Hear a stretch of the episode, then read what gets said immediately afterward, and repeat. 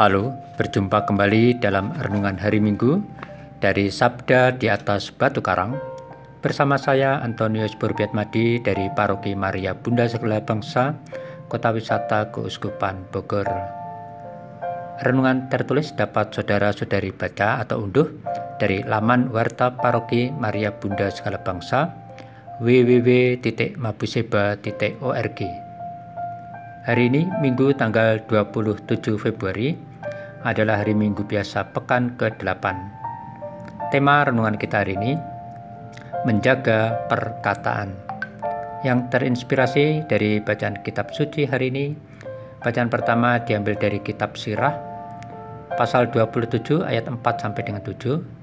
Bacaan kedua dari surat pertama Rasul Paulus kepada jemaat Korintus pasal 15 ayat 54 sampai dengan 58 dan bacaan Injil suci dari Injil Lukas pasal 6 ayat 39 sampai dengan 45. Mari kita dengarkan sabda Tuhan.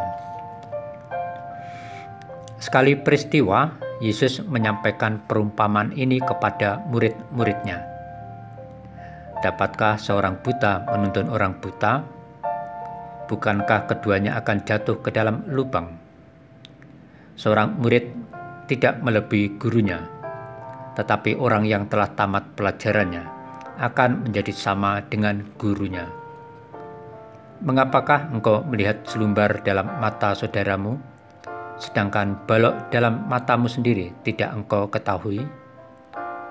Bagaimana mungkin engkau berkata kepada saudaramu, "Saudara, biarlah aku mengeluarkan selumbar dalam matamu," padahal balok yang dalam matamu tidak engkau lihat?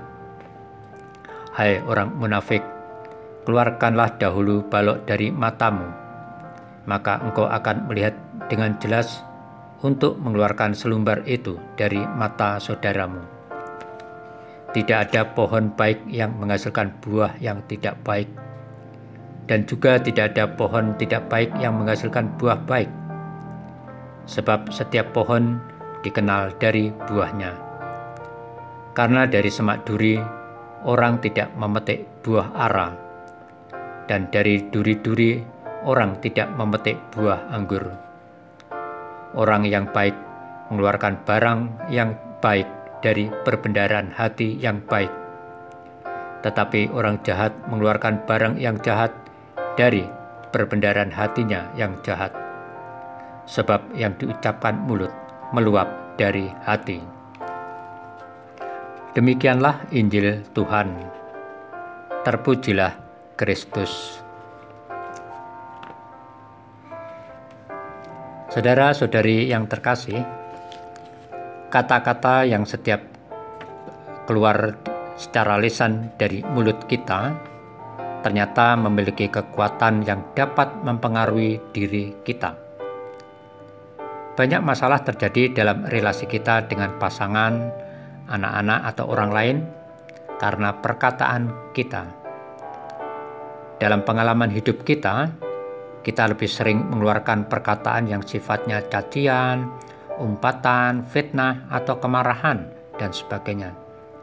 Dan jarang yang sifatnya pujian, sanjungan, atau ucapan terima kasih, dan sejenisnya. Kita sangat mudah merasa tersinggung atau sakit hati ketika mendengar perkataan yang negatif kepada kita. Karena begitu besarnya berdayanya kata-kata yang keluar dari mulut kita, maka memang benar kata orang bijak bahwa hendaknya kita menjaga lidah atau mulut kita. Maksudnya adalah bahwa berpikirlah terlebih dahulu sebelum berbicara. Saudara-saudari yang terkasih, dalam Injil pada hari ini, Yesus mengatakan bahwa perkataan-perkataan yang terucap itu adalah ungkapan, luapan, atau gambaran yang keluar dari pikiran atau hatinya. Ucapan bisa menunjukkan kualitas dari diri kepribadian kita. Karenanya, kita diajak untuk menghindari mengeluarkan pernyataan-pernyataan perkataan-perkataan yang tidak baik yang sifatnya hujatan umpatan, makian, fitnah, dan sebagainya. Dalam bacaan pertama, kitab Putra Sirah mengajak kita hendaknya berhati-hati, jangan mudah terpesona atau terpengaruh akan seseorang karena cara bicaranya. Dan jangan suka memuji seseorang sebelum ia berbicara. Sebab dari bicaranya, apa yang dikatakannya, itulah kita bisa menilai kualitasnya. Secara tersirat dari kitab Putra Sirah, kita diajak memfungsikan mulut kita untuk memberitakan atau bertutur kata tentang hal-hal yang membangun kebaikan, kebenaran, kemuliaan, atau mengungkapkan rasa syukur kita kepada Allah. Seperti yang dilakukan oleh Rasul Paulus yang dapat kita dalami lewat bacaan kedua, kita lihat ia menyatakan buah pikiran atau imannya akan kekaguman atas kebangkitan Yesus. Ia mengungkapkan hal itu ke dalam pernyataannya yang penuh puitis. Kita pun dapat seperti Rasul Paulus dalam mengungkapkan isi pikiran, kehendak atau hati kita kepada pasangan, anak-anak, sesama, alam semesta, serta Tuhan dalam bentuk perkataan yang penuh syukur atau pujian. Perkataan yang demikian itu dapat menjadi kekuatan positif bagi diri kita maupun yang mendengarkannya. Bagaimana perasaan hati Anda ketika mendengar ungkapan syukur Rasul Paulus tentang kebangkitan Tuhan tersebut? Adakah pernyataan iman Rasul Paulus itu menguatkan iman Anda akan kebangkitan Tuhan?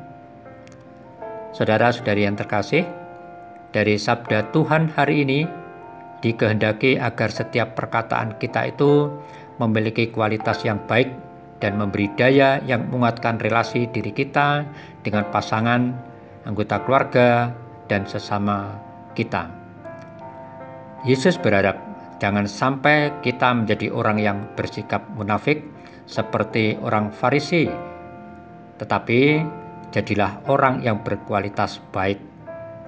Dalam bacaan Injil pada hari ini, Yesus mengecam sikap orang Farisi yang dianggapnya munafik. Sebagaimana kita ketahui, orang Farisi suka berkata-kata penuh kutipan ayat-ayat kitab Taurat atau mengajarkan yang kelihatannya baik, namun sikap perilaku mereka tidak sesuai dengan apa yang dikatakannya. Yesus menyindir sikap perilaku mereka seperti orang buta yang menuntun orang buta. Jika sama-sama buta, apakah mungkin mereka mendapatkan keselamatan ketika berjalan atau saling menuntun? Saudara-saudari yang terkasih, semoga sabda Tuhan hari ini membuat kita untuk senantiasa bersikap jeli dan berhati-hati terutama dalam bertutur kata.